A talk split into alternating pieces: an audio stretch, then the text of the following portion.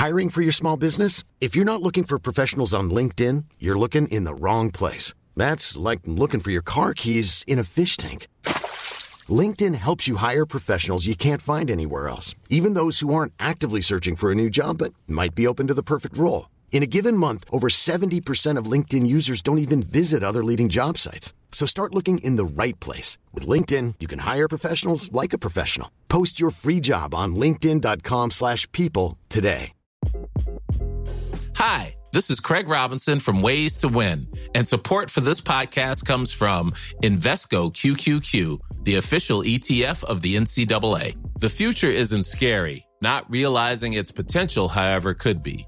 Just like on the recruiting trail, I've seen potential come in many forms as a coach. Learn more at Invesco.com slash QQQ. Let's rethink possibility. Investco Distributors, Inc. This Mother's Day, celebrate the extraordinary women in your life with a heartfelt gift from Blue Nile. Whether it's for your mom, a mother figure, or yourself as a mom, find that perfect piece to express your love and appreciation. Explore Blue Nile's exquisite pearls and mesmerizing gemstones that she's sure to love. Enjoy fast shipping options like guaranteed free shipping and returns. Make this Mother's Day unforgettable with a piece from Blue Nile. Right now, get up to 50% off at BlueNile.com. That's BlueNile.com. Hey, I'm Ryan Reynolds. Recently, I asked Mint Mobile's legal team if big wireless companies are allowed to raise prices due to inflation. They said yes. And then when I asked if raising prices technically violates those onerous two year contracts, they said, What the f are you talking about, you insane Hollywood ass? F- So to recap, we're cutting the price of Mint Unlimited from $30 a month to just $15 a month. Give it a try at mintmobile.com slash switch. $45 upfront for three months plus taxes and fees. Promo rate for new customers for limited time. Unlimited more than 40 gigabytes per month. Slows. Full terms at mintmobile.com. Vi är stolta att meddela att det här avsnittet är sponsrat av Valors Bitcoin Zero och Ethereum Zero. Två produkter som ger exponering mot Bitcoin och Ethereum på ditt ISK med noll i avgifter. I'm amazed how many people own stocks. They, they would not be able to tell you why they own it. They couldn't say in a minute or less why they own it. Actually, you really press them down to say the reason I own this is the sucker's going up. There's enough cash in the financial system, and there's an infinite amount of cash at the Federal Reserve. An infinite amount Put of cash. Put that check in a money market mutual fund. Then we'll reinvest the earnings into foreign currency accounts with compounding interest, and it's gone. So they had to do something. All they had left was just to print money and start buying things. And that's what they did. Quick buck artists come and go with every bull market, but the steady players make it through the bear market. They say money can't buy happiness. Look at the fucking smile on my face. Hej och välkommen till ett nytt avsnitt av Market Makers. Hur är läget med dig Fabian? Är du taggad på att snacka krypto? Ja, ja, ja, ja, det är så härligt. Nu när inte bara techbolagen går ner utan krypto går ner också, då är det fantastiskt. För allting lyser rött i portföljen. Men då ska man ju tänka att Kina förr eller senare kommer ta över hela världen. Och i Kina, då betyder en röd portfölj att det går bra. de, de har ju tvärtom. De Jag gillar har hur du rött tänker. är när det går upp, grönt är när det går ner. Så att I'm a winner, Ja, och får, whatever happens. och får man inte ihop det med grafen är det bara att vända upp och ner på skärmen. Så är allt löst. Exakt. Helt rätt. Maus lilla röda, det skulle man kunna kalla min portfölj nu. Nej, vi ska ju snacka lite krypto faktiskt och försöka ge lite en annorlunda perspektiv av krypto och tillgångar. Vi vill liksom inte fokusera nu på att förklara vad en blockkedja är och hela den biten, det tycker jag vi gjort förut. Eh, Men har du inte förstått vad en blockkedja är så kolla upp det, läs Bitcoins white paper, det är inte så himla långt. Eh, Det är ju blockkedjan som är det innovativa med krypto och gör att det skiljer sig från till exempel tulpanlökar och så. Exakt. Sen kan det fortfarande vara en bubbla såklart, en prisbubbla oavsett, men det är inte samma sak som, det är inte bara luft i alla fall. Exakt, de, de flesta som lyssnar har väl hört talas om liksom, att bitcoin är digitalt guld och det ska förändra hela det finansiella systemet, men det känns alltid lite som att det är ett copy-paste-svar. Eh, det är sällan man får någon bredare förståelse för vad krypto är, varför krypto är intressant. Så vi vill prata lite om hur de här digitala tillgångarna passar in i en framtid då människan blir allt mer digital. Det här handlar alltså lite om the big picture, så jag tror även om du inte är intresserad av krypto i sig så kanske du är intresserad av digitalisering, kanske är intresserad av gaming, intresserad av det här metaverse och så vidare. Och då tycker jag att du ska lyssna på det här avsnittet, för du kommer antagligen tycka det här är rätt intressant. Ja, det händer ju mycket. Jag såg nu till exempel att Roblox, alltså det här mobilspelet som är omåttligt populärt, framförallt bland yngre, som vi har pratat om tidigare, de börsnoterades i år. De hade lanserat nu en exklusiv kollektion tillsammans med Gucci, alltså kläder i spelet, märkeskläder i spelet. Eh, och den här typen av teknik tycker jag dessutom är- blir väldigt intressant när den kombineras med just eh, krypto och NFTs, alltså där man kan göra digitala varor helt enkelt eh, unika. Så du kan alltså köpa en Gucci-tröja i spelet och det är inte bara att du får ett skin, som gör, alltså ett, ett utseende i spelet som gör att alla åh, ser att han köpte en Gucci-tröja. Utan du skulle faktiskt också kunna koppla den här till då blockkedjan och därmed kunna bevisa att ja, det är jag som äger just exakt den här tröjan. Och sen kan då sälja vidare den till andra spelare när den blir mer exklusiv. Så att det är, ja, jag tycker det är jätteintressant. Det, det knyter ihop allting och, och blockkedjan och, och krypto liksom överlag, det ger ju verkligen, öppnar upp möjligheten att eh, sätta ett värde på digitala saker. Och det är lite det vi ska prata om idag också. Exakt, men innan vi drar igång så vill vi bara säga att ingen rådgivning eller rekommendation sker i den här podden. Vi berättar bara om vår process och hur vi tänker. Gör alltid din egen analys och glöm aldrig att alla investeringar är förknippade med vad då, Niklas? Med risk. Nu kör vi. Ja, och vad passar väl bättre nu när vi ska snacka krypto än att vi faktiskt är sponsrade av Valors Bitcoin Zero och Ethereum Zero, som är två certifikat som du kan handla i din ISK och de har inga avgifter till skillnad mot många andra bitcoin och ethereum-papper som finns tillgängliga. Så är du intresserad av att handla krypto i ISK, ja då kan du kika in Valors Bitcoin Zero och Ethereum Zero. Och nu såg vi dessutom, vi nämnde ju det förra veckan, att de hade skickat in ansökan om att få ett gäng till kryptovalutor tillgängliga på sådana här certifikat. Och nu har de gjort det. De har bland annat fått in Cardano. Eh, och det tror jag faktiskt både jag och Fabian har köpt lite grann av. Så nu äger vi Valors Cardano-certifikat. Ja, och det, det är inte bara vi, det är även allas favoritvargs favoritkrypto, om ni förstår vad jag menar. Ja, men Så precis. det är många som är på det tåget. Ja, och Cardano har ju gått sjukt bra. ADA är väl ticken. Eh, gått sjukt bra. Det har väl blivit typ en av de ja, topp 10 i alla fall, största kryptos just nu. Så den har gått väldigt, och har väldigt mycket intressanta projekt i bakgrunden. Sen kan den återigen vara övervärderad. Det är svårt att sätta värde på krypto. Eh, men jättespännande. De fick även sin Polkadot-certifikat eh, godkänt. Och eh, ja, förhoppningsvis kommer det komma ännu fler kryptovalutor via Valors certifikat. Ja, och det är som sagt extremt intressant eftersom man slipper skatta på sin vinst, vilket Eventuell vinst kanske man ska tillägga. Eve- eventuell vinst eh, som man måste göra om man köper de faktiska coinsen. Så det är otroligt smidigt, det är väldigt skönt i deklarationstider och eh, därför kör jag med just certifikat i portföljen. Vi säger stort tack till Valors Bitcoin Zero och Ethereum Zero. Vi är också sponsrade av Fidelity International och deras fantastiska fonder är med oss igen. Och vi vill lyfta upp något som verkligen har varit på tapeten de senaste åren och det är hållbara investeringar. Fidelity, de ser ju inte hållbarhet som någon fluga, utan en nyckelfaktor som är här för att stanna.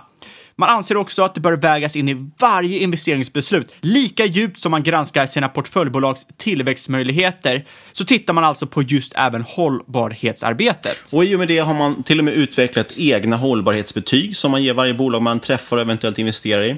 Och på så sätt kan de då systematiskt följa hållbarhetsarbetet i fonderna. Jättebra för både Fidelity, miljön och investerarna. Och man har faktiskt ett helt team på Fidelity som enbart fokuserar på just dialog och påverkan med de bolag som Fidelity investerar i. Så man försöker verka för en bättre värld helt enkelt. Hela Fidelity Internationals utbud hittar ni på deras hemsida fidelity.se eller på någon av de stora plattformarna och försäkringsbolagen. Så gå in på din bank och leta upp någon av Fidelitys många fonder. Men glöm förstås inte att alla investeringar kan både öka och minska värde. Och det är såklart viktigt att läsa alla prospekt samt KIID-dokumentet. Vi säger stort tack till Fidelity. Vi är den här veckan också sponsrade av fintechbolaget Saveland Group som ska börsnoteras på First North. Och det här är ett samarbete tillsammans med IPO.se som har skrivit en lite längre presentation av bolaget på deras hemsida. Bolaget arbetar inom peer-to-peer lending samt bolagsfakturering och tillhörande tjänster. Två områden som Saveland menar har hög synergi som resulterar i kraftig tillväxt. Man förvärvade faktiskt nyligen Bilekta som tillhör just det här med bolagsfakturering. Ett bolag som jag själv varit kund till, eh, eller är kund till till och med, och de är faktiskt riktigt, riktigt bra. Savelands omsättning uppgick till 56 miljoner kronor under 2020, en tillväxt på 25 procent. Man uppnådde även en milstolpe med över en miljon hanterade fakturor under 2020. Det här är en ökning på 400 procent sedan 2018. Det är något att skryta om. Savelend är alltså en intressant IPO som ni borde kika in. Och Det kan ni göra antingen genom att gå in på ipo.se och eh, klicka på den stora knappen där det står Savelend så ni kan läsa mer om dem. Där hittar ni också länkar till alla nätmäklare där ni kan signa upp er om ni är intresserade av att teckna en aktie. Sen tycker jag också att man ska gå in på Twitter om man har det och följa Ludvig Pettersson, Ludvig med W. Han heter at L-U-D-V-V-I-G-S och det är alltså vd och grundare av SaveLend. Eh, väldigt aktiv på Twitter och eh, kul att följa, inte bara om man följer SaveLend utan allmänt också. Och teckningsperioden för SaveLend den pågår fram till 28 maj 2021 och kan tecknas hos din nätmäklare. Vi säger stort tack till SaveLend och IPO.se. Ja, idag ska vi snacka lite krypto, men egentligen för att förstå krypto Uh, och vart det platsar in i liksom, hela det här ekosystemet, det digitala ekosystemet, så tycker jag att man måste börja lite med historia. Runt 2000-talet så var Alan Greenspan eh, chef för Fed och i samma veva så började man se acceleration av en skuldbubbla. Man använde helt enkelt räntor för att stabilisera marknaden. Och det här ledde ju till problematiska konsekvenser. Eh, till exempel så tenderar ju lägre räntor att leda till att människor lånar mer pengar. Och Eh, det gjorde de också och det ledde oss in i bland annat 08-krisen. Precis, finanskrisen där fastighetssektorn framförallt var väldigt, väldigt övervärderad. Eller privata fastigheter. Och det man kan se som problemet här, det är väl att eh, många hävdar att man inte har löst 08-krisen än. Vi sitter fortfarande på ett extremt fragilt system som är väldigt, väldigt uppbyggt och eh, på egentligen att man har låga räntor och höga skulder. Ja, vi har pratat om det här tidigare, bland annat genom att kolla på de här zombieföretagen, så företag som inte genererar någon, oms någon vinst egentligen utöver det liksom alla räntor de behöver betala på sina lån. Eh, och vi såg också det på eurokrisen som hände några år senare. Så helt enkelt, vi har hamnat i en position där man anser att det är farligt egentligen för marknaden att leva sitt eget liv. Eh, så det enda vi kan göra för att hålla marknaden upp är att trycka pengar. Ja, då kan man ställa sig frågan varför är det farligt? Ja, bland annat har du ju generationer som babyboomers som helt hade wipats ut eh, sitt sparande, sina investeringar om man lät marknaden leva sitt egna liv. Eh, institution, institutioner hade gått omkull. Eh, men sen hade ju också hela ekonomier lidit av ekonomisk stagnation. Se till exempel Japan och vad som hände där för 30 år sedan. Precis, där pratar vi om the lost generation. Exakt, så den här så kallade debt-cykeln är väldigt uh, ohållbar. Och det här är något som snackas väldigt, väldigt mycket om i makro om man följer makro, men det snackas även väldigt mycket om det i krypto. Och därför har man ju sett många gamla makromänniskor, till exempel Stanley Druckenmiller, till exempel Paul Tudor Jones, röra sig mot krypto. Ja, och det är inte så konstigt. Eh, Bitcoins eh, white paper släpptes väl 2008 eller om det var 2009. Den kom ju egentligen, Bitcoin kom ju egentligen som ett svar till och, på, till och med på finanskrisen där just eh, Satoshi Nakamoto, om det nu var en person eller en grupp, tyckte att eh, centralbanker borde liksom, det de håller på med kommer försvaga dollarn så pass mycket att den till slut kommer gå till noll. Och därmed behöver man ha ett alternativ. Exakt, och det här accelereras fantastiskt mycket under 2020 eh, i det som egentligen skulle varit den största recessionen någonsin. Du såg ju att hur många privatpersoner, hur många bolag som helst höll på att konka och vad gjorde staterna då? Jo, de gick ju liksom och satte in pengar på folks kontot och fördröjde den här insolvensen. I, I stort sett gör centralbanken och stater allt för att undvika insolvens och eh, jag tror att det är en av anledningarna att tro att räntor inte kommer höjas framöver för att det kommer ju förstöra chanserna för recovery. Det är ju mer rimligt att centralbanker kommer fortsätta göra det de gjort de senaste 20 åren och försöka hålla ner räntorna med, med all sin kraft. Mm. Och då kommer ju någon såklart eh, sätta sig emot det och säga ja, men de kan ju inte kontrollera marknadsräntorna. De kan kontrollera vissa räntor, men kan de verkligen kontrollera till exempel tioåringen som vi har sett stigit nu på när vi har fått lite inflationssiffror? Men det är faktiskt så, både Europa, Japan och CERN har redan det som kallas för yield curve control, det vill säga man kontrollerar räntekurvan, alltså skillnaden mellan korta och långa räntor. Och USA är också på G och då kommer man i princip kanske kunna störa ut marknaden så den inte kan prisa in inflationen. Man kommer tvinga ner eh, räntekurvan egentligen. Exakt, så om man tror på räntehöjningar framöver, eh, ja, då tror man ju att centralbanker kommer fundamentalt ändra hur de hanterar marknaden från vad de har gjort de senaste 20 åren. Eh, framförallt de senaste 10 åren.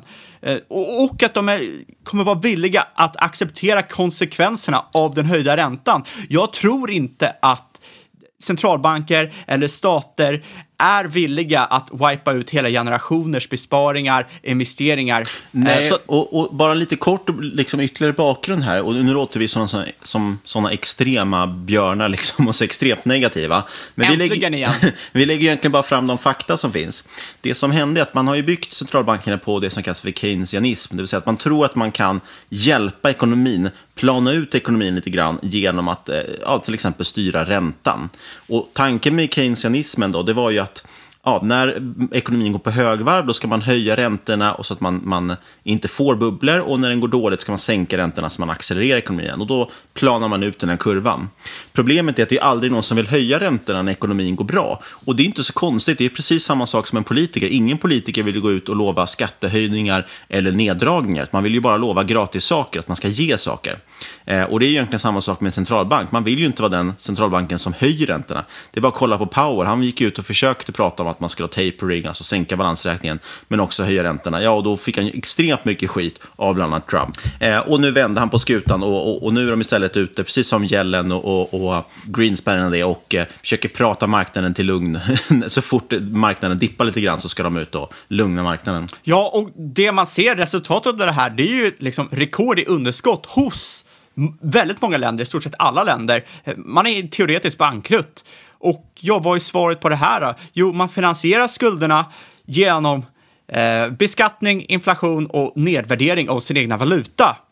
Jag tror inte det kommer som en överraskning för någon som lyssnar här att beskattning världen över kommer öka i och med bland annat covid. Eh, men det finns inte mycket man kan göra åt det. Sen har ju, som Niklas säger, de har ju ett inflationsmål och där försöker de ju nå med massiva stimulanspaket och troligtvis kommer det här fortsätta Eh, eftersom de signalerar att det kommer fortsätta. Ja, och det jag menar med beskattning och inflation, alltså det, det, det man kan göra för att minska statsskulden som blir av att man lånar upp och trycker pengar, det är ju som sagt antingen kan man höja skatterna så folk faktiskt betalar av den skulden, eller så sänker man välfärden och investeringar staten gör och därmed betalar av skulden, skulden lite som eh, regeringen Reinfeldt gjorde med Anders Borg i spetsen som gästade podden för några veckor sedan. Eh, men det är som sagt ingen politiker som vill göra det. Så istället blir det antagligen inflation som gör att vi betalar av de här statsskulden. Det vill säga, vi inflaterar pengarna så pass mycket att, att skulden inte är värd någonting längre. Exakt, så centralbankerna de köper bonds, de printar pengar. Men senaste tio åren, vart är inflationen? Den har inte kommit, eh, i alla fall som de mäter. Eh, och då kan man fråga sig vart det här pengantryckandet tar vägen. Aktiemarknaden har ju som känt gått upp på grund av quantitative easing, på grund av det här pengatrycket. Men om man kollar på volymer och inte på priset så har volymen faktiskt inte stigit. Då kan man ju ställa sig frågan, vart kommer den här värdeökningen ifrån om det inte finns en volymökning? Ja, precis, volymen borde ju öka om det finns fler pengar i systemet. Ja, och det här är väldigt intressant iakttagelse från Real Visions Raoul Paul. Och vanligtvis så räknar man tillgångspriser i dollar, men det kanske är rimligare att mäta det i köpkraft. Ställer man värdeutvecklingen till exempel S&P, guld, fastigheter mot Feds balansräkning, alltså hur mycket pengar som har tryckts, ja, då har de här eh, börserna faktiskt legat flat sedan 2008. Det har inte varit någon utveckling alls. Nej, och där har man sett också många som har delat den här grafen, vi har nog också gjort det, där man delar aktieindexutvecklingarna på eh, money supply, alltså penningmängden. Då ser man ju precis samma sak. Eh, så det är mycket av, av uppgången vi har sett beror ju antagligen på att det har tryckts mycket, mycket mer pengar. Eh, därav också tror jag att vi ser ökade priser i princip allt annat. Det är i vin, i konst, i bostäder och så vidare. Ja, exakt. Alla tillgångar med begränsad tillgång som eh, fastigheter eller vin som du nämner, eh, de har ju ökat i pris i dollartermer, i valutatermer, men justerar man för pengamängden så har det legat flat. Och det är helt enkelt så att i princip allting som har ett begränsat utbud har ju stuckit upp i pris. I alla fall om man tittar på det liksom i kronor och ören. Men det vi menar är att köpkraften är inte så mycket större. Säljer du din bostad idag som har gått upp väldigt mycket i pris, ja då får du inte så mycket mer för pengarna än vad du fick för ett årtionde sedan. Man har ju alltså behållit bara egentligen sin köpkraft. De som är stora förlorarna är de som har haft pengarna på ett sparkonto eller till ett bankkonto helt utan ränta. Eh, det har stått helt stilla. En liten kort apropå där bara, eftersom jag nämnde investeringar i vin. Vi kommer faktiskt ha två gäster som kommer hit och pratar om investeringar i vin, vilket jag tycker skulle bli jättekul. Eh, maila gärna era frågor om det till podcast.marketmakers.se. Så priset för gods faller, men priset av de här äh, begränsade tillgångarna går upp. Och äh, det som egentligen hänger, händer är att de här tillgångarna prisjusteras efter pengatrycket. Det är alltså inte bubbla på börsen, utan en bubbla i tryckandet av pengar. Och det här är inte bara i USA, det är världen runt. Jämför du äh, eh, MSSI World Index med G4 centralbanks balansräkning så får du liknande resultat. Alla tillgångar ser ut som de har gått upp i värde, men egentligen har de bara offsetat nedvärderingen i valutan. Och det är kanske lite krångligt att ta till sig, men tänk till exempel Venezuelas aktiemarknad. Kollar man på aktiemarknaden i inhemsk valuta så ser det ut som den har gått mot månen. Den bara stuckit iväg hur mycket som helst. Men kikar man i dollar så ser man att den helt har kollapsat. Och det här är det vi har sett på alla världens börser. Du behöver bara titta i andra termer än den lokala valutan. I det här fallet balansräkning. Precis, och anledningen till att det blir lite svårt att se det här utifrån. I Venezuelas fall är det enkelt, för deras valuta är högre inflation än alla andra. Men i alla utvecklade länder som, som Sverige och USA och så vidare, så ser man det inte, för dollarn och svenska kronan har ju tappat lika mycket värde tillsammans. Så det går liksom inte att jämföra. Det är inte så att dollarn specifikt har nedvärderats, utan man måste se i något annat värde. Därav att en del då till exempel tittar på penningmängden. Så kan man diskutera om det, om det är riktig inflation eller inte. Men, ja. Exakt, All, eh, om alla centralbanker håller på med pengatrycket, då nedvärderas ju alla, pengar, alla valutor. Ehm, så det är jättesvårt att jämföra mellan dem eftersom alla nedvärderas. Och det här är lite vad det Raoul Paul går in på och kallar för stealth destruction. Eftersom man inte ser någon tydlig kollaps i räntemarknaden. Man ser inte någon kollaps på aktiemarknaden eller någon annan marknad, utan kollapsen sker i purchasing power hur mycket du får av dina pengar, värdet på dina pengar, det är där kollapsen sker. Och det här händer i smyg och inte alls uppenbart för människor. Och nu sitter alla lyssnare här i total skräck och undrar vad ska de göra för att försvara sina pengar? Och tidigare har ju svaret på det varit mycket guld, eller ofta pratar man om att guld är liksom svaret i det man använder för att skydda sig mot centralbankerna. Det vi tror dock som är ett intressant skifte eh, som kanske sker nu, det är väl att den generation som kommer nu och som börjar investera, ja, för dem är inte digitalt någonting overkligt. Digitalt är precis lika verkligt som det som inte är digitalt. Alltså behöver man inte ha guld, utan man kan ha digitala saker, till exempel Gucci-kläder i spel som vi nämner i Roblox. Eller kanske den tillgångsklass då, som har helt outperformat senaste årtiondet. Och det är ju bitcoin och andra kryptovalutor. Det finns faktiskt en till marknad som har eh, klarat sig bra senaste årtiondet, om än inte lika bra som bitcoin. Och det är Nasdaq. Eh, och ni kan säkert tänka ut vad de två har gemensamt. Men om ni inte kan göra det så återkommer vi till det lite senare i podden. Och som sagt, bitcoin då. Problemet är, pratar du med någon som är lite äldre och inte så intresserad av teknik kanske, så förstår de inte varför skulle någon köpa en digital valuta? Varför ska man liksom köpa det digitalt? Ja, och så försöker man då förklara att det är en viss skillnad. Vi som är lite yngre generationen och är uppväxta med internet och datorer, vi ser digitalt precis lika verkligt som allting annat. Och med blockkedjan, som jag var inne på lite i försnacket här, så med blockkedjan, så den stora innovationen med den är ju att man kan helt plötsligt säkerställa ägandeskapet av någonting digitalt. Så även fast du kan kopiera kod oändligt mycket så kan du liksom inte kopiera koden på en kryptovaluta, utan du vet exakt vem den tillhör. Nästa fråga då som alltid dyker upp, det är ju, okej, okay, men vad ska man använda bitcoins till? Är det en valuta eller vad är det för någonting? Och då pratar man om att, ja, en del tycker att det är en valuta, en del andra ser det då istället som en store of value, det vill säga precis som guld, det ska försvara köpkraften. Men eh, kritiken då, det är hur kan en store of value fluktuera liksom tiotals procent inom loppet av en vecka? Vi har ju sett en krasch nu, det är väl 20-30 procent ner bitcoin på bara liksom en, två veckor. För att bland annat Elon Musk twittrade lite att Tesla skulle sluta acceptera bitcoin som betalmedel. Alltså det är ju inte en store of value. Så folk blir väldigt liksom nervösa av att titta på priset på bitcoin. Men det man skulle kunna argumentera för är att man ska kolla på köpkraften. Och bitcoin har ju behållit sin köpkraft över tid. Priset, ja det fluktuerar jättemycket. Men det är köpkraft man ska fokusera på. Så att bitcoin kanske ska ses ur ett store of value-perspektiv då. Men med liksom en form av eh, call option på framtiden. Alltså när centralbanker har makten att förstöra pengars värde, ja då är det väldigt underskattat att ha tillgångslag som helt står emot det.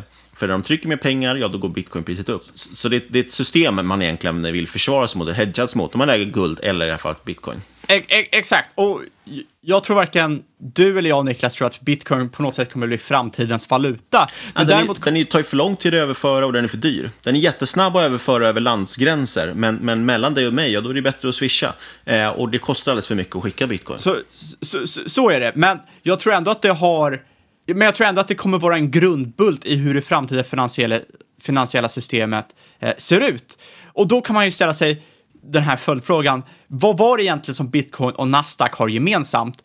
Och det är nätverkseffekten.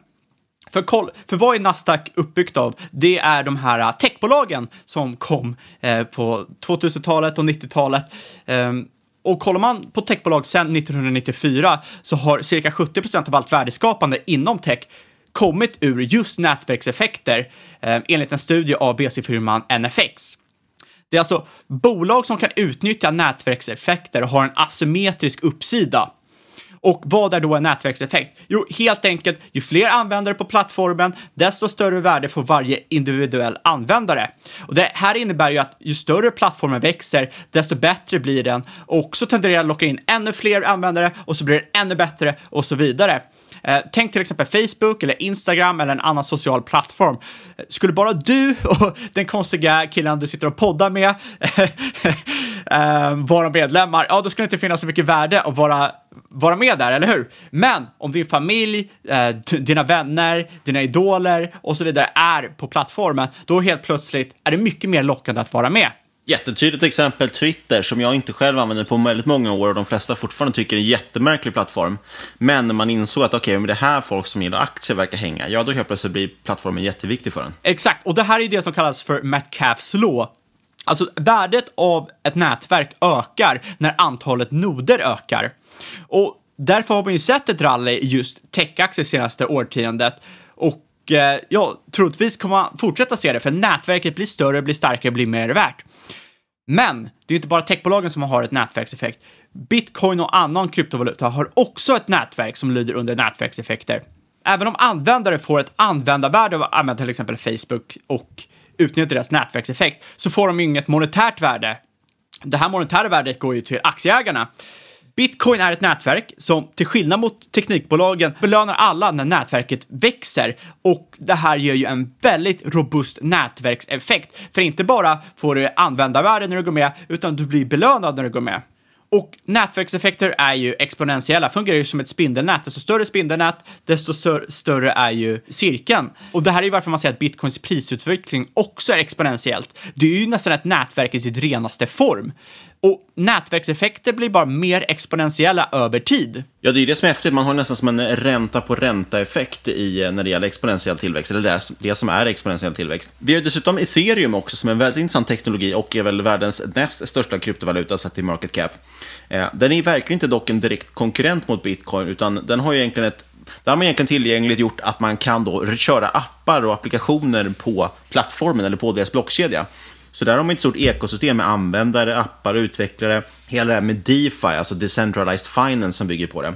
Så man kan väl kanske säga att om bitcoin då är ett store of value, då är väl ethereum och även det här Cardano som vi nämnde i början, snarare kanske ett internet of value, alltså man kan köra som ett internet ovanpå den plattformen. Exakt, och det är ju rätt troligt att allt som byter händer kommer digitaliseras. Det är väldigt sällan folk handlar med cash överlag i väst. Det sker ju oftast digitalt, till exempel via Swish.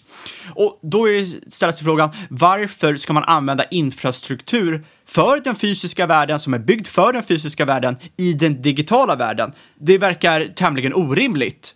Och det är det som är så intressant just nu och det som är så intressant med de här nätverken växer exponentiellt utvecklingen går ju snabbare för varje dag. Det går ju så snabbt att man knappt kan hålla koll på vad som händer. Du har ju vissa tokens, vissa projekt som eh, kommer och går och sen vissa som florerar och blir större än vad de någonsin varit innan. Väldigt svårt att säga på förhand vilka det blir, men den här nätverkseffekten jobbar ju i en så kallad S-kurva och det kommer komma perioder då styrkan testas i nätverkseffekten och folk inte tror det och tider då folk är övertygade om nätverkseffekten och vi står i en jätteboom-period. Men över tid så kommer nätverkseffekten för vissa kryptovalutor bli väldigt, väldigt stark. Och det är för att nätverk är exponentiella, det betyder att de växer snabbare hela tiden. Och jag tycker att det är rimligt att man är skeptisk mot kryptovalutor. Det är inget fel, det är väldigt svårt att ta till sig vad som händer. Som sagt, det händer så mycket just nu att det är svårt att ens hänga med vad allting är. Men jag tycker man också ska ställa sig uddrades till varför många av de skarpaste hjärnorna i hela världen, du har ju liksom de skarpaste hjärnorna i tech, eh, Andresen Horowitz, eh, inom finans, till exempel Stanley Druckenmiller, alla de är ju intresserade av bitcoin, intresserade av krypto. De säger att det är det största som händer just nu. Och det här är liksom två skilda världar. Tech och makro är jätteskilda världar, men ändå är de obsessed med vad som händer i den här världen. Och då känns det jättekonstigt att jag som privatperson som troligtvis inte är alls lika påläst som de här grabbarna är, eh, eller människorna är, skulle säga att det här inte är någonting alls. Så jag tror det är väldigt viktigt att ha ett öppet sinne här, även om man inte förstår allt som händer. Nej, och det gäller nog att fokusera på rätt saker. Det här lite det vi sa med att, att kunna använda bitcoin som en valuta, det är inte någonting som kommer hända. I och för sig, då, det, det finns ju ställen där det redan händer, men det är snarare liksom på, på darknet och handel med olagliga saker och sådär. Där man kan tänka sig betala en liten premie för att, eh, och, och längre betalningstider för att eh, genomföra sin transaktion. Exakt, att, att, att, att köpa en kaffe med en bitcoin, det är irre irrelevant. Det är, det är inte intressant för att bitcoin och andra krypto är digital infrastruktur för en digital värld. Du behöver inte ta in det till den fysiska världen, för det är egentligen något helt separat. Precis, så egentligen bitcoin, det som är hela grejen är ju verkligen att det finns bara ett visst antal. Det finns 21 miljoner totalt, eller det kommer finnas 21 miljoner totalt, men vi vet redan idag att det finns så mycket. Precis som att med guld vet vi ungefär hur mycket det finns på jorden och det blir dyrare och dyrare hela tiden att utvinna desto mindre det finns kvar. Och det är egentligen samma sak här. Och sen vad priset ska vara, det är ju totalt omöjligt att säga. Alltså det kan vara extremt övervärderat idag, eller så kanske priset, det, priset kan lika gärna gå till en miljon dollar. Eh, det handlar ju precis samma sak som med frimärken eller vad som helst. Det finns ett begränsat antal och folk har bestämt sig för att det där vill jag ha. Och då får man bara väga. Vi vet exakt vad utbudet är, men det är efterfrågan är ju okänd. Så efterfrågan är det som styr priset på tillgången. Eh, så ökar, ökar adoptionen, alltså fler vill ha det, ja, då kommer också priset stiga. Men där det blir riktigt, riktigt intressant och det som börjar hända nu. Blockchain som sagt, innovationen, låter jag tjatig, men innovationen var ju att man kan säkerställa ägarskapet av en digital pryl. Exakt, men det har ju hittills inte funnits så många applikationsområden, i alla fall enligt oss. Nej, precis, utan man har ju bara kommit på egentligen det här med bitcoin. Okej, okay, men då, då säger vi att du äger den här lilla biten kod, den här liksom bitcoinen som egentligen är totalt värdelös. Men nu kommer det här med NFT, eller non-fungible token, som vi velat prata länge om i podden. Eh, och det har snackats otroligt mycket om de senaste månaderna. Och det här är ju jätteintressant, för helt plötsligt har man kunnat ta nästan vad som helst som är digitalt. Till exempel en tweet, eller en låt, eller ja, bara en random grej liksom, som du hittar på på nätet. Och så kan du då autentisera tillgången, det vill säga säga vem den här tillgången tillhör, vem är det som äger den här tweeten. Och då kan det plötsligt ta, jag tror, tror att det var eh, Jack, alltså Twitters vd och grundare, han tog ju till exempel sin absolut första tweet någonsin och la upp för auktion så att någon kan köpa den av honom. Och det har också sålts mycket konstverk och sådana saker som NFT. Och de kan ju sedan säljas vidare, för helt plötsligt vet man vem som äger den. Så det är liksom, Sen, sen, varför man ska äga den, det är en jädra bra fråga, men det är väl samma sak som konst. Du kanske kan skryta på fester om att säga, shit, jag äger den här grejen. Eller varför inte printa ut och sätta upp den på väggen och så de frågar vad det är och då kan du förklara att ja, jag äger den där saken digitalt. Eh, exakt, det NFT gör är att, och vi ska gå in lite på det här, att NFT skapar tillit, det skapar sällsynthet och det skapar värde. Med det sagt, är det jättemycket NFT-projekt som ges ut som i framtiden, det kommer inte vara värt någonting. Det är bara proof of concept, man försöker, man testar bara massor med olika grejer. Det, det är som om jag och Niklas skulle sitta och måla massor med hundar på eh, ett papper och försöka sälja det på Twitter. Det betyder inte att det är värt någonting bara för att vi försöker göra det. Men kollar man till exempel på Beeple, den här konstnären som gjorde ett konstnärsverk om dagen i 14 år och sålde då en NFT för 68 miljoner då kan man fråga sig vart det här värdet kommer ifrån, för 68 miljoner för alla människor är väldigt mycket pengar. Vem som helst kan ju kolla upp en bild på konstverket, printa ut det på väggen. Varför ska man då ha den här NFTn? Hur kan den vara värdefull? Och då tror jag, tror jag att man ska ta ett steg tillbaka här. Vad skapar värde? Tänk dig en utgåva av eh, Romeo och Juliet. Det här, en bok av Romeo och Juliet, du kan ladda ner det gratis på internet. Det är ju inte värt någonting. Men tänk sen på en gåva från 1800-talet. Historien bakom den, hur många som har läst den, vad den här boken har varit med om. Eh, för många historiker och eh, många som är intresserade av gamla eh, konstverk och böcker, ja, då bör det här bli ett rätt attraktivt objekt som man kanske kan lägga en del pengar på. Tar det här ett nivå tidig, ett nivå över det här. Tänk dig nu Romeo och Juliet, men signerat av William Shakespeare. Det är praktiskt taget ovärderbart. Och det här är olika nivåer av sällsynthet. Bara för att man kan läsa Romeo och Julia på internet gratis betyder inte att det signerade exemplaret från Shakespeare inte har något värde. Det har bara olika värde beroende på individen. Det finns ju jättemånga som inte har betalat ett enda öre för den här eh, signerade Shakespeare-kopian. Men sen finns det ju några andra som hade betalat hur många miljoner som helst. Och det är samma sak med Beeples NFT. Originalet såldes för 68 miljoner, men alla kan se kopian. Men då kan man också ställa sig frågan, vad är en fysisk tavla värd? Hur mycket är eh, liksom Mona Lisa-värld. Det är bara lite trä, lite tyg, lite färg. Det kostar några hundra kronor att köpa. Du får ju en större upplevelse av den om du har ett riktigt, riktigt bra, en bra reproduktion eller tryck av den. För då kan du ju faktiskt gå nära. Originalet är ju extremt litet och du står, får stå så långt bort för det är så mycket folk som tar i vägen. Samtidigt är Mona Lisa ovärderligt. Och det, det är det här som skiljer materialet från eh, Mona Lisa. Det är autenticiteten, det är sällsyntheten. Och det är det NFT kan göra. Det kan koppla sällsynthet, värde och tillit digitalt. Ja, det är väl det som kallas proveniens egentligen. Alltså vad är det egentligen? Det är värdet som tillskrivs någonting. Eh, det som ger värdet till objektet. Det är inte liksom trät och, och målarfärgen som gör det. Och jag tror att den stora sagt, skiljelinjen, nu upprepar jag mig själv igen, men det är det här med om man ser digitalt som någonting verkligt eller inte. För jag förstår, många ser ju Mona Lisa, originalet, som en riktig sak för att den finns fysiskt att ta på. Men här tror jag verkligen att det är faktiskt, jag tror faktiskt det är lite en generationsfråga om man ser saker som riktiga eller inte när de är på internet. Ja, jag, jag, håller, jag håller helt med. Vi, vi lever i en allt mer digital värld och digitala världar blir allt viktigare. Du har ju liksom allt från Roblox till Fortnite och alla som är med där. Man försöker bygga metaverse, det vill säga en virtuell delad värld eh, som är mer än bara ett spel. Jag menar, förra året så såg man ju liksom att Fortnite hade in-game-konserter, det var miljontals människor som närvarade, eh, umgicks med sina vänner i spelet under den här konserten. Som du nämnde, igår så släppte ju Gucci den här virtuella klädkollektionen i Roblox. Det kostar pengar, du köper kläder till din avatar. Eh, och det är liksom, det är av samma anledning varför du köper i verkligheten, men då premiera man de här människorna att köpa det till sin avatar än att köpa det till sig själv. Att socialisera online är här för att stanna. Eh, och det du kan köpa online, eh, oavsett vad det är, men i det här fallet skins, det, det, har ett reellt värde för många människor. Kolla CSGO, och, alltså Counter-Strike Go och skinsen som finns där. De är handlingsbara på deras marknadsplats. De har ett monetärt värde. Men sen har du helt andra spel där du kan, där du kan låna ut items, det finns yieldkurvor, allt möjligt. Och egentligen, i, i grund och botten, eh, många som lyssnar på det här vet ju vad skins är i datorspel. Alltså, du byter ut hur din karaktär ser ut i stort sett. Eh, men har du någonsin köpt ett skin eller virtuella saker, då har du egentligen i grund och botten teoretiskt köpt en NFT. Du köper det som utility i en värld som du bryr dig om, eller för att statusen du får bland dina peers i spelet eh, av att ha den här virtuella grejen. Och det här kommer hända, börja hända allt bredare. Det kommer inte vara fast på en plattform. Det kommer inte vara fast i Roblox. Det kommer inte vara fast i Fortnite, utan det här kommer vara decentraliserat över hela internet. Det här med NFTs, det har ju främst prövats på digital konst än så länge. Teoretiskt sett så skulle det kunna användas på fysiska varor också. Du skulle kunna använda det för att autentisera allt från vin till fastigheter förutsatt hur regleringar ter sig framöver.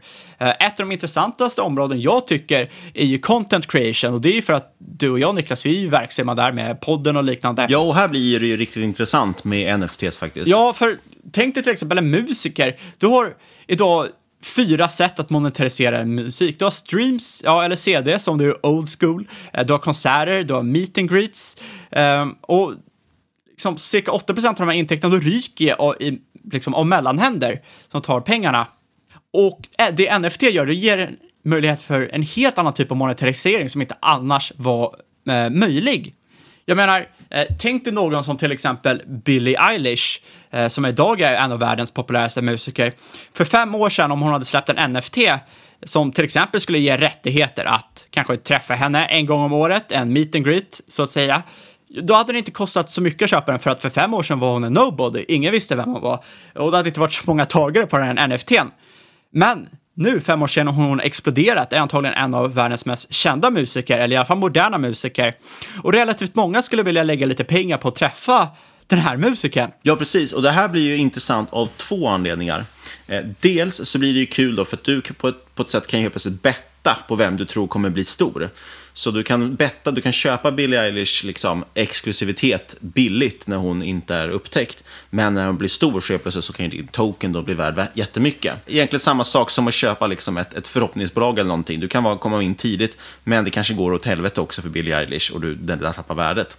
Det andra som är riktigt intressant och som tog mig lite tid att fatta, det var ju att den personen som ger ut den här tokenen kan ju också få en provision, alltså få en del av värdet varje gång det säljs.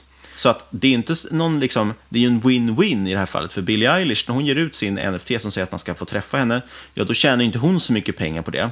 Eh, och till skillnad då från ett konstverk, som då, då är det ju bara den som sålde den, säljer den nästa gång som får liksom betalt för det. En aktie är samma sak också, det är ju bara liksom senaste säljaren som får betalt. Men i en token kan du ju lägga in, eller i en NFT kan du ju lägga in, att du som skapare också ska få liksom en kickback på varje försäljning.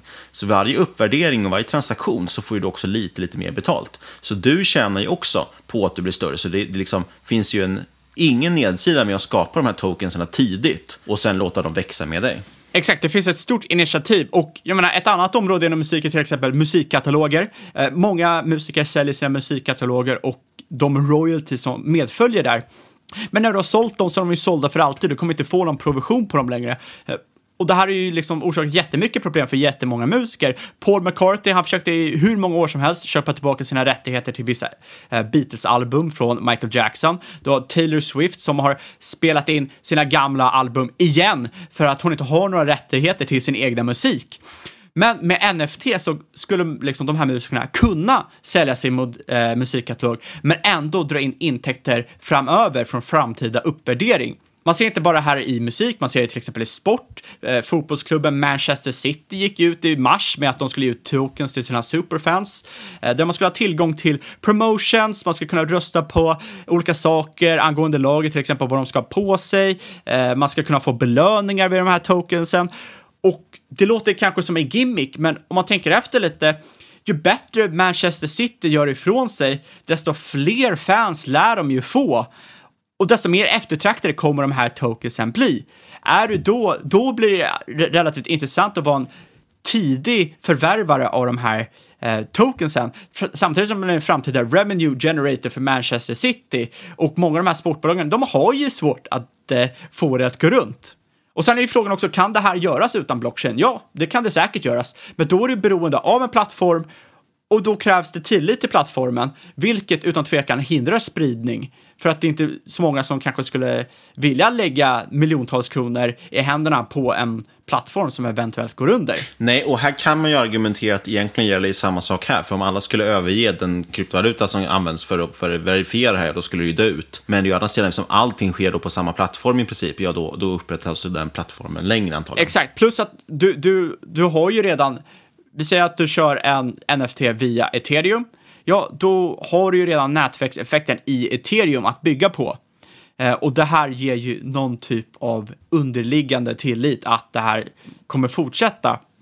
Och det här är helt enkelt, det är ett helt nytt sätt för monetarisering av creators, av communities som är väldigt intressant och jag tycker att det här applikationsområdet är bland det mest spännande eh, för kryptotillgångar. Ja, för det, det, löser ju ett jättestort problem. Just det här med liksom innehållsskapare i den digitala eran. Det är ett jätteproblem hur man ska finansiera den typen av verksamhet. Alltså hur ska en YouTuber försörja sig, eller en poddare till exempel, så som vi håller på.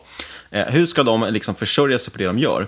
Ja, det finns ju egentligen två tillvägagångssätt idag. I, i öst, öst, alltså i Asien och så, där, så är det ju mycket det här med mikrotransaktioner, det vill säga man donerar mycket. Det har gjorts en del försök på det i väst, men det har varit lite svårare. Men det finns ju Patreon och de här som faktiskt eh, lyckas helt okej. Okay. Men generellt annars i väst förväntar vi oss att allting ska vara gratis, men reklamfinansierat. Och just det, förlåt, sen är det ju också så att med YouTubers och sånt så kör de mycket med affiliates och Instagram också. Det vill säga man, man klickar på en länk till Avanza och signar upp sig och då får de 100 eller 200 spänn i cash. Alltså de får, får det i provision för att du signar upp. Eh, så gör ju många också. Därav att de YouTubers som ofta klarar sig väldigt bra, ja det är de som håller på med pryl, saker som är väldigt prylbaserade. Eh, det vill säga man håller på med gaming eller matlagning eller någonting där folk som tittar på det också gillar att köpa prylar. Men NFTs ger ju en ytterligare möjlighet som kan vara väldigt, väldigt intressant. Och det är ju helt plötsligt att man kan då, som sagt, sälja saker digitalt. Man kan sätta till exempel, vi skulle kunna göra en NFT av vårt första avsnitt eller eh, en meet and greet eller någonting liksom, som då helt plötsligt genererar pengar både för oss och kanske också för den som, eh, som äger tillgången. Dessutom kan de ju sälja den, den dagen de har tröttnat på den här YouTubern eller poddaren, ja då kan de sälja sin token, kanske till och med till en viss vinst. Jo, men exakt. Och eh, det, går ju tillbaka till det här konceptet 1000 true fans. Oavsett om du har 100 000 eller miljoner fans, det enda du egentligen behöver är kanske 1000 fans villiga betala 10 dollar i månaden och så helt plötsligt så kan du dra in 100 000 dollar om året. Det var väl Joe Rogan som myntade det, eller? Jag tror... Eller har jag blandat ihop det med någonting? Jag tror inte det. Nej, jag, jag kanske i och för sig blandar ihop det med Joe Rogan sa någonting någon gång om att eh, gör någonting, det enda du ska tänka på är att göra någonting som spelar väldigt stor roll för några få. Men det är ett liknande koncept. Det handlar helt enkelt om att du har tusen superlojala fans. Ja, det kan faktiskt räcka. Om de då är tillräckligt betalningsvilliga för det du gör, ja, då kan det bli ganska bra pengar på det och du kan försörja dig på det. Du behöver inte ha en enorm plattform. Exakt, och jag tror att det här området kommer explodera de kommande åren och framförallt när man kollar på de yngre generationerna, de yngre människor, vi snackar typ Gen Z, alltså typ för unga för att lyssna på den här podden, då tycker jag att de, de att det här är en självklar utveckling. Men ju längre man går upp i åldrarna, desto mer främmande blir det här konceptet. Pratar man med, även när man pratar med folk runt 30 så har de väldigt svårt att se nyttan i det här. Ehm, så jag tror att det är extremt viktigt att man är öppen, även om man inte 100% förstår den här utvecklingen. För det finns så extremt många intressanta applikationsområden för krypto just nu som inte riktigt fanns, eller inte var mainstream i alla fall, för liksom bara några år sedan. Du har som sagt NFT står också, DeFi, Decentralized Finance, som till exempel sätter lån och försäkring på blockkedjan. Ja, och sen har man där med som, som Cardano, där man pratat om det till exempel med att eh, hjälpa fattiga länder i Afrika att få ID-system och sådana saker. Så det finns väldigt mycket fördelar med att, att digitalisera äktheten, eller kunna autentisera eller verifiera sakers äkthet digitalt. Exakt, och om du någonsin har köpt något virtuellt, så det är egentligen startpunkten för att förstå varför det här är intressant, varför det är så intressant med digital infrastruktur. Det handlar ju om att bygga en digital infrastruktur för en digital tidsålder. Eh, du nämnde Cardano, Polkadot är ett annat väldigt intressant projekt och det handlar helt enkelt om att bygga ett lager ovanpå alla krypto så att de kan interagera med varandra. Tänk internet. Du har ju egentligen ingen koll på de underliggande systemen, eller de flesta av oss. Du vet ju bara hur man använder det. Och det tänker liksom till exempel Polkadot att krypto ska vara. Du ska inte, du ska inte behöva bry dig om att du köper liksom basket, alltså NBA NFTs via ethereum, som inte jag tror att de flesta gör. De ser bara att ah, här är digitala basketkort, de vill jag ha, och så köper de dem. Många har säkert inte alls kollat att det ligger på ethereum och så tror jag utvecklingen kommer att vara. För varför ska man behöva bry sig om tekniken under man vet hur man använder den? Alltså för att summera ihop det här egentligen som vi pratat om. Det här är en otroligt intressant eh, utveckling och det som är kul det är för att jag kommer ihåg när ethereum lanserades, då var det liksom revolutionerande och det lät så häftigt, men man skulle kunna liksom köra appar på blockkedjan och man pratade om försäkring och så, men man såg inte riktigt exakt vad applikationen skulle bli. Och det är det som är häftigt nu. Och till skillnad från bitcoin, bitcoin är ju bara som sagt ett sätt ställe att pumpa in pengar och hoppas att de behåller sitt värde eller till och med går upp i värde. Men ethereum möjliggör ju faktiskt ja, men decentraliserad finance helt enkelt. Jag tänker bara kommentera lite där snabbt att bitcoin har andra användningsområden också, för att jag vet att folk kommer kommentera det, men de flesta förstår vad Niklas menar här. Ja, men precis. Det, det jag egentligen ville poängtera det var att, att ethereum som sagt såg så lovande ut när det kom, men det är först nu och, och de senaste åren man verkligen börjar se att de här användningarna, alltså, eller det börjar faktiskt användas för de här sakerna. Och, och det betyder nog bara att vi är i, lind, liksom i dess linda, det kommer bara explodera, precis som internet har gjort. Och det är helt naturligt, för vi lever i en mer digital värld, där allting blir digitalt blir mer viktigt för folk. Eh, som sagt, de som växer upp i, i med Roblox och Fortnite, fråga vilken unge som helst, det enda de önskas julklapp, det är presentkort för, för att kunna köpa vad heter det, V-bucks och Robux, det vill säga de här digitala hittepå-valutorna som bara går att använda för att köpa skins i de här spelen. Och det är inte så konstigt för att man bygger de här stora världarna där, där liksom allting integreras in i spelen. Titta bara på Travis Scott, Marshmallow och det är flera andra artister som har uppträtt i, i Fortnite och, och, och Roblox, haft konserter där. Eh, så folk går liksom på konserter online och det är klart att man vill sätta på sig, kanske köpa artistens t-shirt när man är där, precis som man gör på konserter på riktigt. Och jag vet att det sitter massvis med folk som sitter och skrattar åt det här och tycker att det är helt idiotiskt. Men det är faktiskt skitsamma om folk tycker, för att betalningsviljan finns där och det är det enda som spelar roll. Ja, jag, jag, jag tycker också man ska ta sig en tank, tankeställare där. Om man sitter och skrattar åt folk som lever så, då kan man ju också tänka själv, ja men hur många poddar lyssnar du på om dagen? Hur många interagerar du med på till exempel Twitter? Det är antagligen stor sannolikhet att du redan lever väldigt digitalt utan att kanske själv inse det.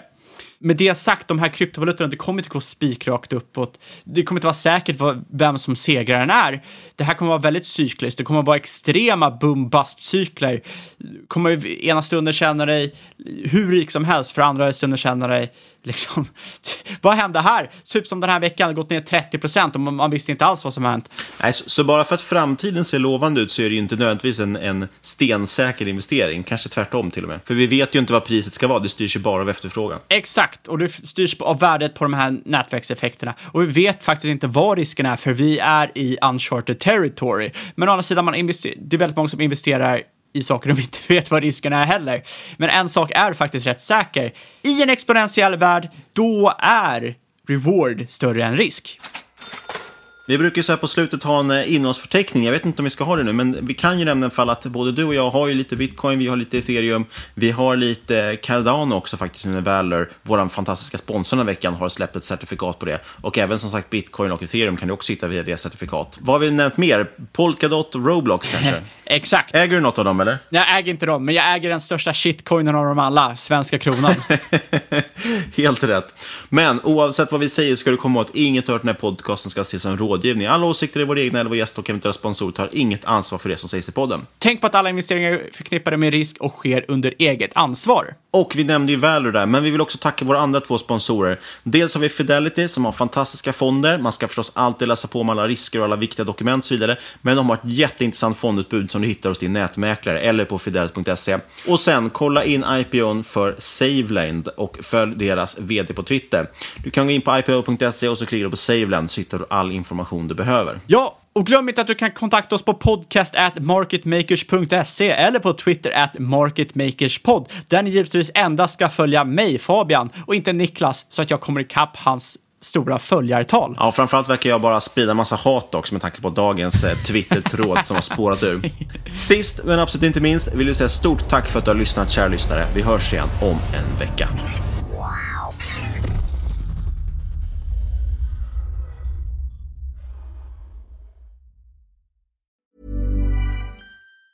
Mom deserves the best, and there's no better place to shop for Mother's Day than Whole Foods Market. They're your destination for unbeatable savings, from premium gifts to show-stopping flowers and irresistible desserts. Start by saving 33% with Prime on all body care and candles. Then get a 15-stem bunch of tulips for just $9.99 each with Prime. Round out Mom's menu with festive rosé, irresistible berry chantilly cake, and more special treats. Come celebrate Mother's Day at Whole Foods Market. One size fits all seemed like a good idea for clothes. Nice dress. Uh, it's a it's a t-shirt. Until you tried it on. Same goes for your healthcare. That's why United Healthcare offers a variety of flexible, budget-friendly coverage for medical, vision, dental, and more. So whether you're between jobs, coming off a parent's plan, or even missed open enrollment, you can find the plan that fits you best. Find out more about United Healthcare coverage at uh1.com. That's uh1.com. Mother's Day is around the corner. Find the perfect gift for the mom in your life with a stunning piece of jewelry from Blue Nile. From timeless pearls to dazzling gemstones, Blue Nile has something she'll adore. Need it fast? Most items can ship overnight. Plus, enjoy guaranteed free shipping and returns. Don't miss our special Mother's Day deals. Save big on the season's most beautiful trends. For a limited time, get up to 50% off by going to BlueNile.com. That's BlueNile.com. Hiring for your small business? If you're not looking for professionals on LinkedIn, you're looking in the wrong place. That's like looking for your car keys in a fish tank. LinkedIn helps you hire professionals you can't find anywhere else, even those who aren't actively searching for a new job but might be open to the perfect role. In a given month, over 70% of LinkedIn users don't even visit other leading job sites. So start looking in the right place. With LinkedIn, you can hire professionals like a professional. Post your free job on linkedin.com slash people today. Quality sleep is essential. That's why the Sleep Number smart bed is designed for your ever-evolving sleep needs. Need a bed that's firmer or softer on either side? Helps you sleep at a comfortable temperature? Sleep Number smart beds let you individualize your comfort so you sleep better together. JD Power ranks Sleep Number number 1 in customer satisfaction with mattresses purchased in-store. And now, save 50% on the Sleep Number limited edition Smart Bed for a limited time. For JD Power 2023 award information, visit jdpower.com/awards. Only at a Sleep Number store or sleepnumber.com. Mom deserves the best, and there's no better place to shop for Mother's Day than Whole Foods Market. They're your destination for unbeatable savings, from premium gifts to show-stopping flowers and irresistible desserts. Start by saving 33% with Prime on all body care and candles. Then get a 15-stem bunch of tulips for just $9.99 each with Prime. Round out Mom's menu with festive rosé, irresistible berry chantilly cake, and more special treats. Come celebrate Mother's Day at Whole Foods Market. When you need mealtime inspiration, it's worth shopping Kroger, where you'll find over 30,000 mouthwatering choices that excite your inner foodie. And no matter what tasty choice you make, you'll enjoy our everyday low prices, plus extra ways to save, like digital coupons worth over $600 each week. You can also save up to $1 off per gallon at the pump with fuel points. More savings and more inspiring flavors make shopping Kroger worth it every time. Kroger, fresh for everyone. Fuel restrictions apply.